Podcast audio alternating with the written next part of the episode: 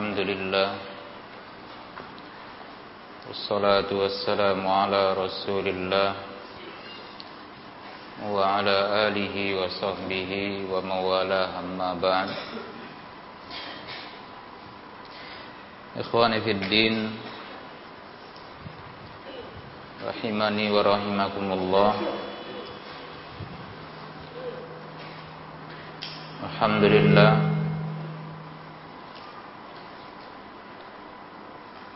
Pada malam hari ini kita kembali melanjutkan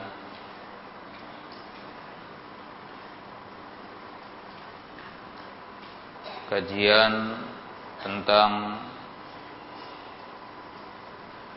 syarah dari Nawakidil Islam pembatal-pembatal keislaman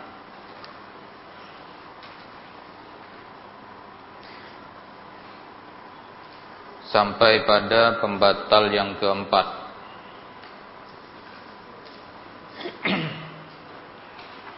An-naqidur rabi' pembatal yang keempat.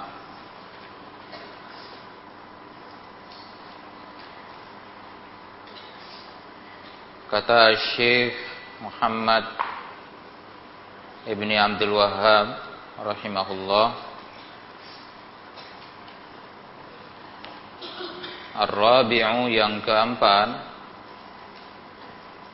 Man i'taqada anna ghaira hadyin nabi sallallahu alaihi wasallam akmalu min hadyi barang siapa yang meyakini bahwasanya selain petunjuk Nabi sallallahu alaihi wasallam lebih sempurna daripada petunjuk beliau. Aw anna hukma ghairihi ahsanu min hukmi atau bahwasanya hukum selain beliau lebih baik daripada hukum beliau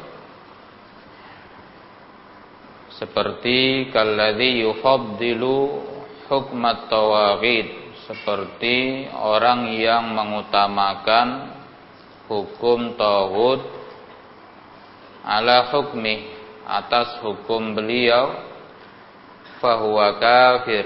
Maka orang ini kafir.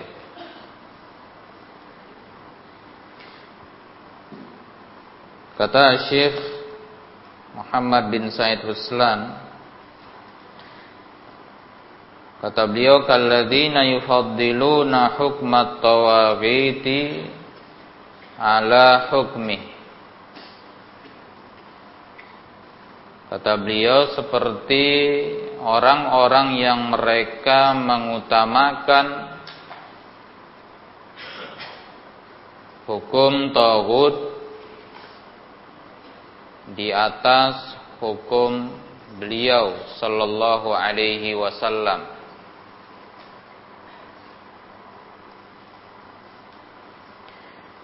Maka fakullu man i'taqada maka setiap orang yang meyakini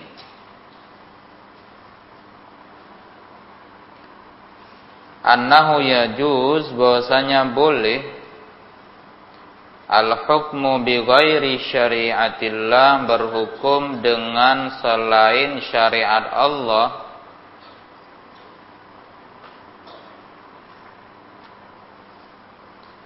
baik itu fil muamalah dalam muamalah. Awil hudud atau dalam hukum had.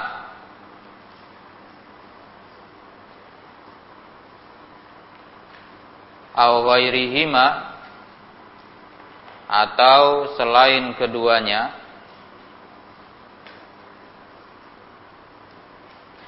Wa illam ya'taqid anna dzalika afdal min hukmi syariah.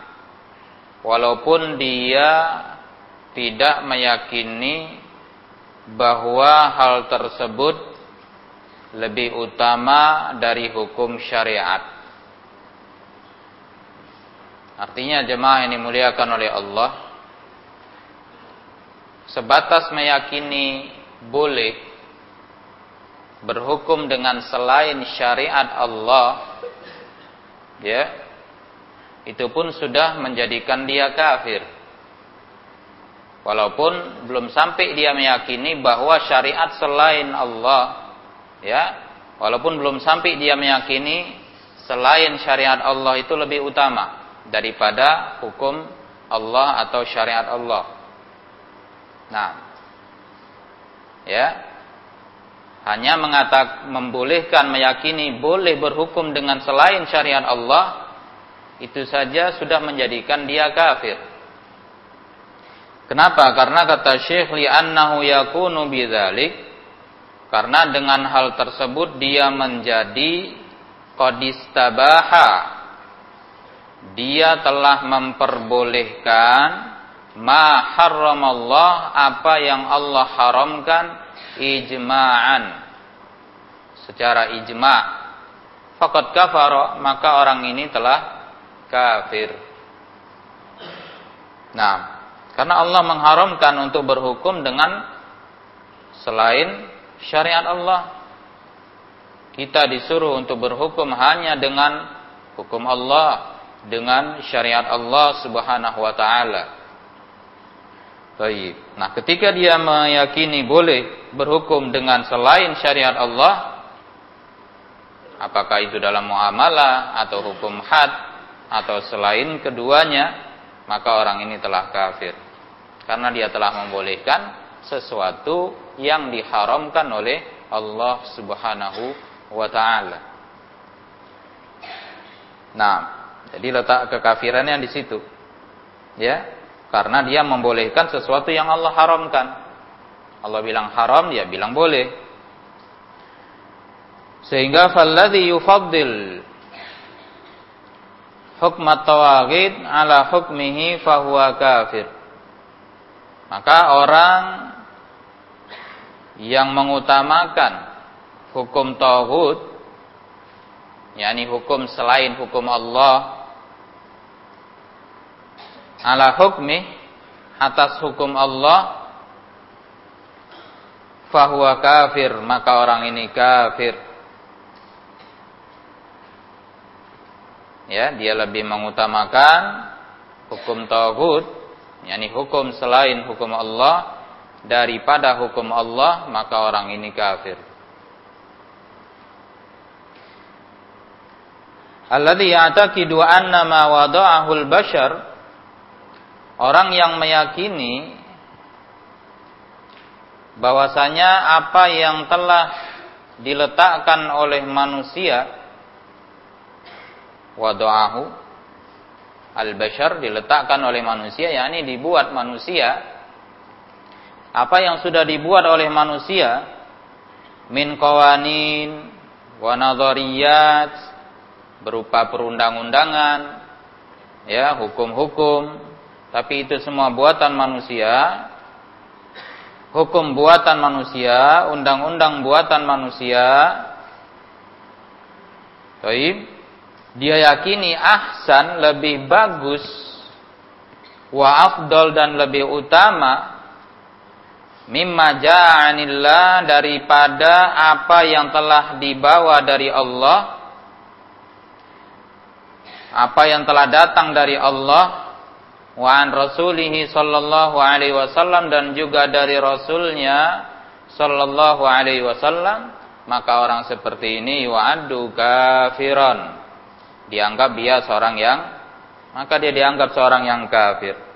Nah, jangankan lebih mengatakan lebih utama, ya, jangankan melebih e, mengatakan lebih utama, menganggap lebih utama, lebih baik, ya, menyamakan saja sudah kafir, membolehkan saja sudah kafir. Apalagi sampai meyakini, oh lebih bagus, undang-undang yang ini lebih bagus daripada undang-undang Islam, daripada peraturan Islam. Ya, nah, tentu ini menjadikan dia seorang yang kafir. Kenapa? Li'annahu yunaqidu la ilaha illallah. Karena dia telah menentang ya, dia telah membatalkan la ilaha illallah syahadatnya yaitu la ilaha illallah. Nah, dia sudah membatalkan syahadahnya yaitu la ilaha illallah. Baik. Nah, jadi kita mesti waspada, hati-hati. Jangan sampai kita meyakini boleh saja jangan. Apalagi meyakini bahwa hukum selain hukum Allah, selain syariat Allah lebih utama, lebih bagus. Ya. Nah, itu akan menjadikan kita jatuh ke dalam kekufuran. Nauzubillah min dzalik. Lalu kata beliau waman ro'a dan barang siapa yang melihat yakni berpendapat, berpandangan barang siapa yang berpandangan berpendapat anna in anna in fadha hukmillah fi qat'i bahwasanya melaksanakan hukum Allah pada kasus potong tangan bagi pencuri ya dalam Islam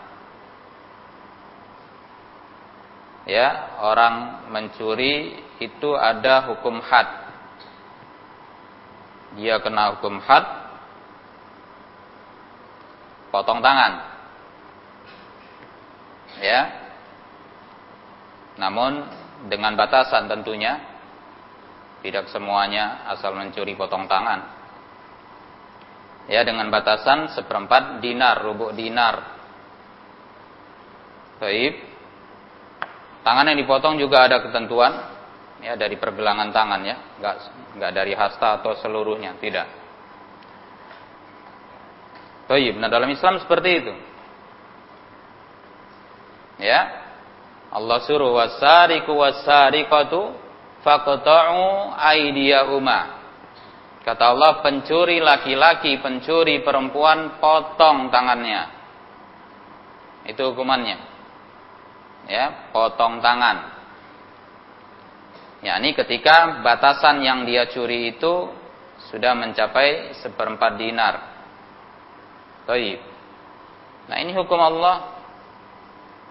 Hukum yang dibuat oleh Allah Subhanahu wa taala dengan benar-benar sudah bijaksana dan sesuai untuk hukum untuk pencuri di mana saja dan kapan saja. Ya. Karena memang hukum potong tangan itu intinya adalah membuat jerah pelaku e, pencurian itu dan juga memberikan efek takut kepada selainnya, kepada yang mengetahui, yang melihat. Baik. Dan itu luar biasa ya. Sebenarnya itu luar biasa pengaruhnya besar. Membuat orang takut. Itu paling bagus sebenarnya. Ya, dibanding hukum-hukum selain hukum Allah.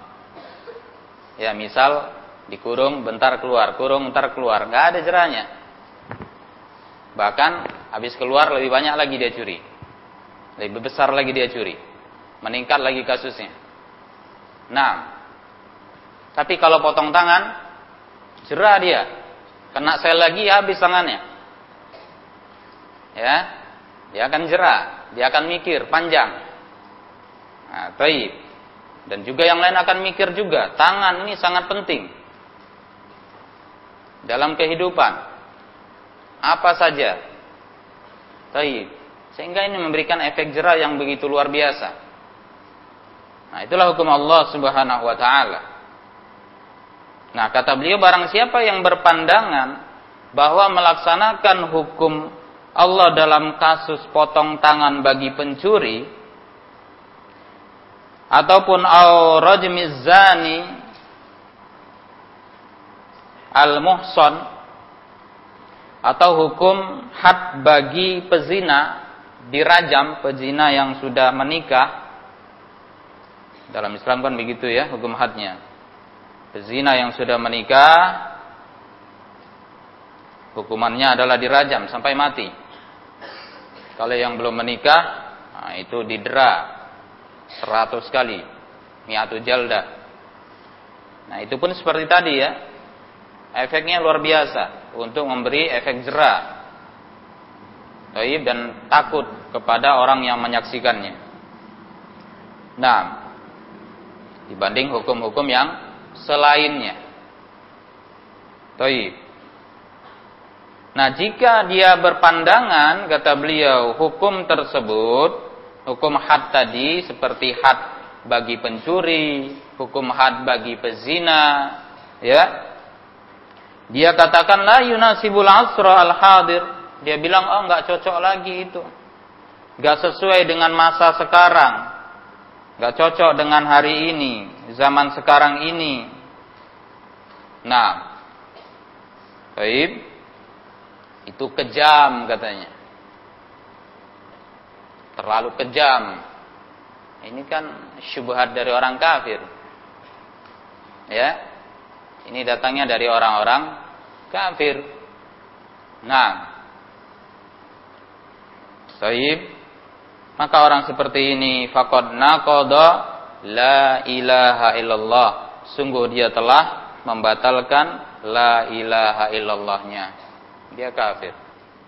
Nah. Taib. Padahal itulah hukum yang baik. Itu hukum yang benar.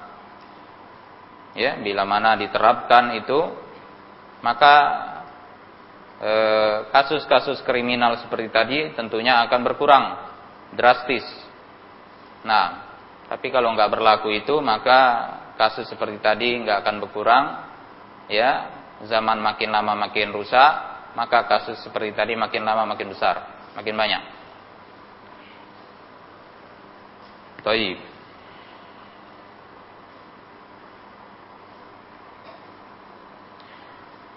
Lalu amani taqada. Kata beliau dan barang siapa yang meyakini annal anzimata allati yasunnuhan nas bahwasanya aturan-aturan undang-undang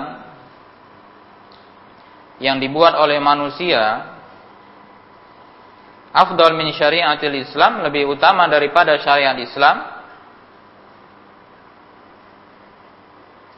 Ya dia meyakini bahwasanya undang-undang peraturan-peraturan yang dibuat manusia lebih utama daripada syariat Islam. Aw anna ahkam al-Islam la yasluh tatbiquha fi hadzal 'asr atau dia berpendapat bahwa hukum-hukum Islam gak cocok diterapkan di masa sekarang ini.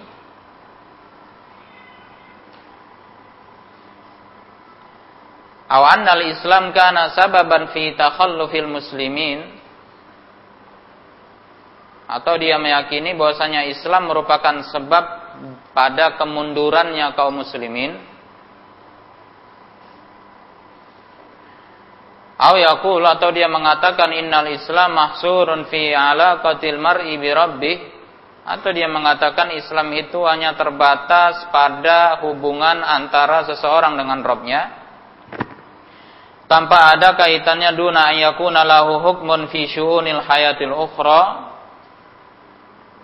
tidak ada terkait dengan hukum kehidupan yang lain, kehidupan dunia. Faqad naqada la ilaha illallah. Sungguh dia telah membatalkan la ilaha illallah, yakni dia telah kafir. Nah, nah karena keyakinan-keyakinan tadi bertentangan ya dengan syahadah la ilaha illallah dia telah membatalkan syahadatnya, membatalkan la ilaha illallah. Nah,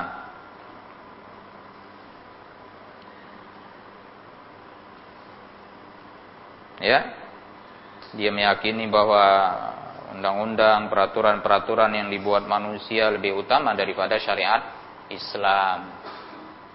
Padahal itu hanya akal-akalan dia saja. atau akal-akalan manusia. Kalau dia perhatikan betul-betul ya, dia perhatikanlah betul-betul. Contoh di negara kita sajalah, perhatikan betul-betul. Perundang-undangan. Ya. Boleh jadi hari ini dianggap manusia cocok. Setahun dua tahun berikutnya nanti nggak cocok lagi. Ah, rubah lagi. Ya, direvisi lagi. Nah, nanti tahun berikutnya lagi ada kasus baru mau dibuat hukumnya, perundang-undangannya, aturannya. Namanya akal manusia terbatas akan dibuat ketika di saat kejadian atau ada kasus atau ada perubahan. Tapi hukum Allah sudah dibuat dari sana dan Allah tahu apa yang akan terjadi. Dan di mana itu diterapkan, untuk siapa diterapkan, Allah tahu. Nah, sehingga Islam tak perlu dirubah-rubah. Di mana pun itu, untuk siapa pun itu, di zaman apa pun itu, pantas, cocok untuk diterapkan. Nah. Baik, tapi kalau undang-undang manusia tengoklah berubah-ubah terus. Akan berubah-ubah terus. Dan penuh dengan kontradiksi, kontradiktif. Perdebatan terus akan terjadi. Yang sini cocok, yang sini tidak. Ya, yang sini pro, yang sini kontra, terus saja seperti itu.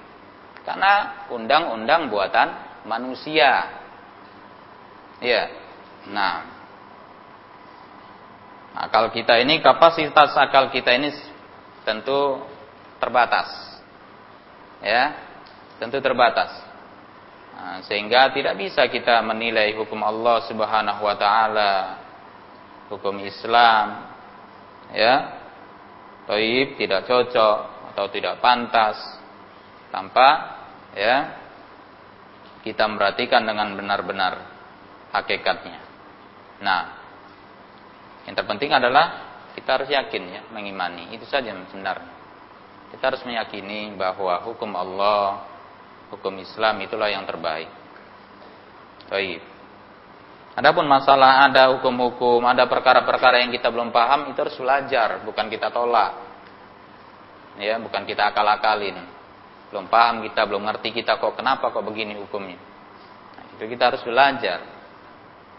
Nah, supaya dapat ilmunya. Nah, bukan kita ngakalin, bukan kita terus memberikan uh, sebuah kesimpulan. Ya, kita simpulkan sendiri. Oh, berarti hukum Islam ini kayak gini. Berarti hukum Islam itu kayak gini. Gak boleh disimpulkan seperti itu. Nah, kita harus berhati-hati. Ya, karena kalau tidak hati-hati, maka nanti akan jatuh ke dalam kekafiran. Naudzubillah min dzalik. Maka kata beliau wa kullu man istabaha maka setiap orang yang memperbolehkan ma harramallahu wa rasuluh apa yang Allah haramkan dan rasulnya mimma huwa ma'lum minad din bid darurah dari perkara-perkara yang diketahui dari agama dengan darurah seperti kazina war riba wal khamri seperti perkara zina Ya, semua umat Islam tahu zina itu nggak boleh, haram ya, perkara keji. Demikian pula riba, khamar, ila ghairi dzalik dan seluruh uh, kepad, uh, dan selain itu dia perbolehkan maka orang seperti ini fahuwa kafir bi ijma'il muslimin dengan ijma' kaum muslimin. Nah, Kenapa dia kafir? Karena masalahnya itu tadi ya, dia menentang apa yang Allah telah haramkan. Allah haramkan, dia menghalalkan. Nah, maka orang yang menghalalkan sesuatu yang diharamkan oleh Allah Subhanahu wa taala, orang ini menjadi seorang yang kafir. Qala subhanahu Allah subhanahu wa ta'ala berfirman dalam surah Al-Maidah di ayat 50 Kata Allah, apa hukmal jahiliyati yabghun? Apakah hukum jahiliyah yang mereka cari? Wa man ahsanu minallahi hukma? Tidak ada hukum yang lebih baik daripada hukum Allah di qaumi yuqinun bagi kaum yang yakin, bagi kaum yang yakin beriman kepada Allah.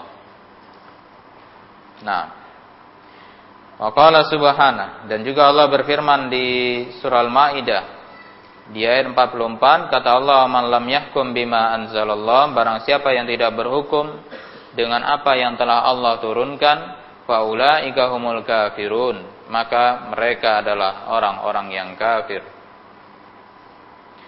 Wa qala azza wa jal, Allah azza wa jalla juga berfirman dalam surah Ali Imran di ayat 19 kata Allah, "Inna dina indallahil Islam."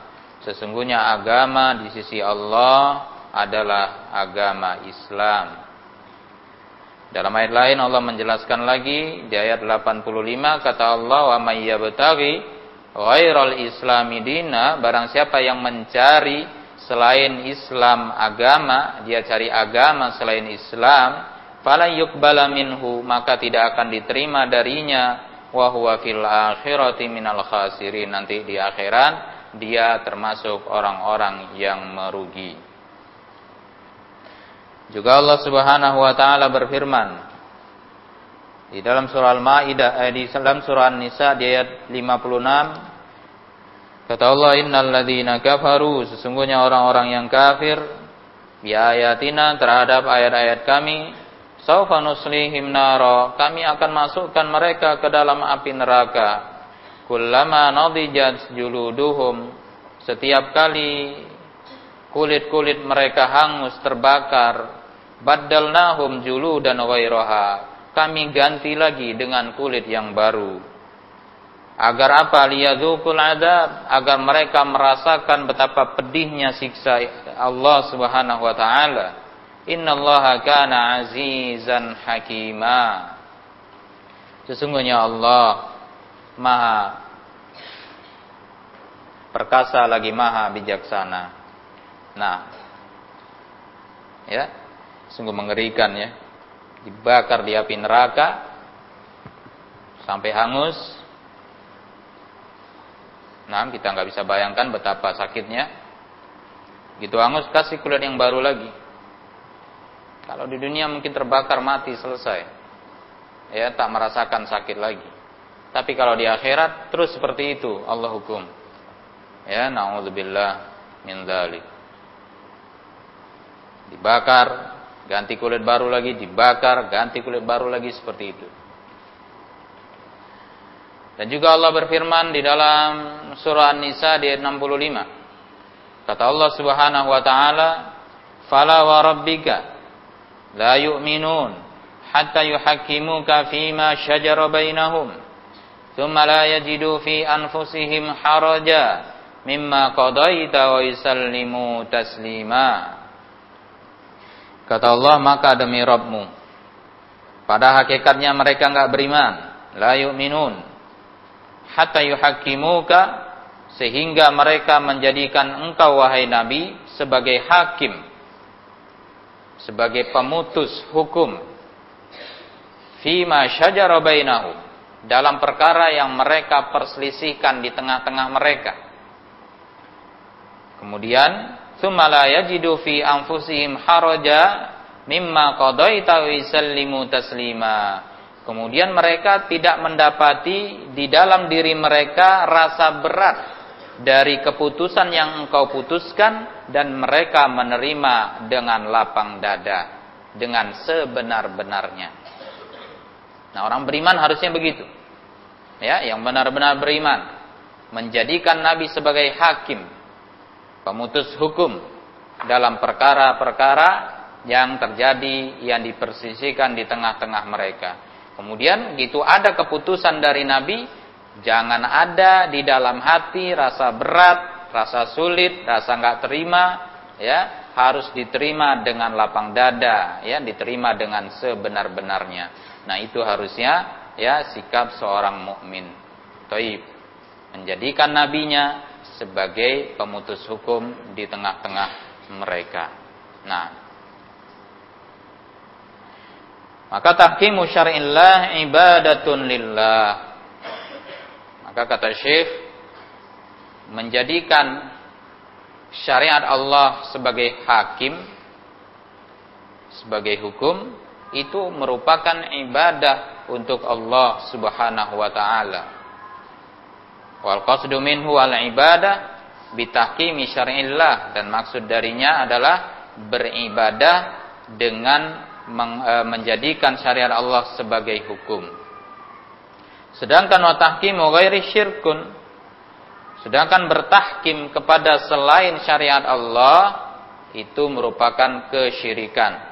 Sebagaimana Allah Subhanahu wa taala berfirman dalam surah Asy-Syura ayat 21, kata Allah, "Amlahum syuraka syara'u lahum minad din ma lam ya'zan bihillah." Apakah mereka memiliki sesembahan-sesembahan selain Allah yang membuatkan syariat bagi mereka dari agama yang tidak Allah berikan izin padanya? Juga Allah berfirman dalam surah Al-An'am ayat 121 kata Allah wa in ata'tumuhum innakum lamusyrikun. Dan jika kalian mentaati mereka sesembahan-sesembahan dari selain Allah, sungguh kalian benar-benar orang-orang yang musyrik, orang-orang yang telah mempersekutukan Allah Subhanahu wa taala. Nah,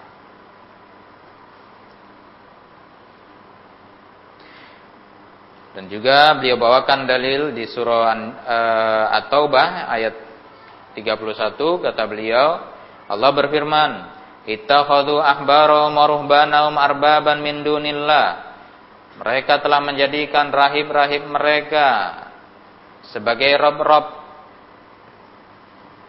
sebagai sesembahan dari selain Allah wal Masih ibn Maryam dan juga Al Masih ibn Maryam padahal wa ma umiru illa liya'budu ilaha wahida mereka tidaklah diperintahkan melainkan agar beribadah kepada ilah yang satu la ilaha illahu tidak ada sesembahan yang berhak diibadahi kecuali hanya Allah Subhanahu Maha Suci Allah amma yusyrikun dari apa yang mereka sekutukan.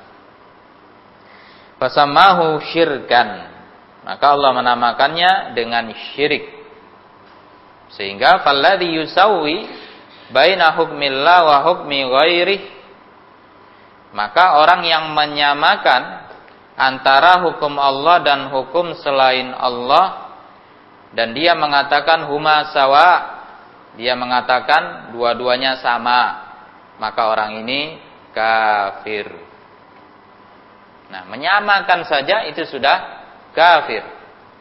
Dia samakan hukum Allah dengan hukum selain Allah itu sudah kafir ya maka apalagi dia mengatakan hukum selain Allah lebih bagus lagi maka tentu ini sudah jelas-jelas kekafirannya. Wa minhu, maka kata beliau lebih parah lagi dari itu orang yang mengatakan innal hukma bi ghairi ma anzalallah ahsan. Sesungguhnya berhukum dengan selain apa yang Allah turunkan lebih bagus minal hukmi bima anzalallah daripada berhukum dengan apa yang Allah turunkan. Nah, ini lebih parah lagi. Dan juga alladzi yaqul dan juga yang mengatakan annas la yasluh lahumul yaum illa hadhil anzimah. Orang yang mengatakan manusia katanya tidak cocok untuk mereka hari ini kecuali peraturan-peraturan seperti ini, undang-undang seperti ini. La yasluh lahumul syara. Enggak cocok sama mereka syariat. Wa syar'u la yutabiq hadzal zaman dan dia mengatakan syariat enggak cocok lagi di zaman ini. Ini sudah zaman modern. Ini sudah zaman milenial. Ini sudah zaman macam ya ucapan mereka. Yang intinya mereka mengatakan nggak cocok syariat ya dengan zaman ya hari ini. Taib. Wala yusayir al hadara nggak nggak berjalan ya nggak cocok dengan kemajuan katanya. Fala budda min musayaratil alam dan harus mengikuti perkembangan masa alam. Wa antakuna mahakimul muslimin kama hakimil alam. Ada asyaddu kufra. Kata beliau ini lebih parah lagi kekafirannya. Bahaya ya. Orang Islam tapi pikirannya sudah diracuni dengan pemikiran-pemikiran orang kafir.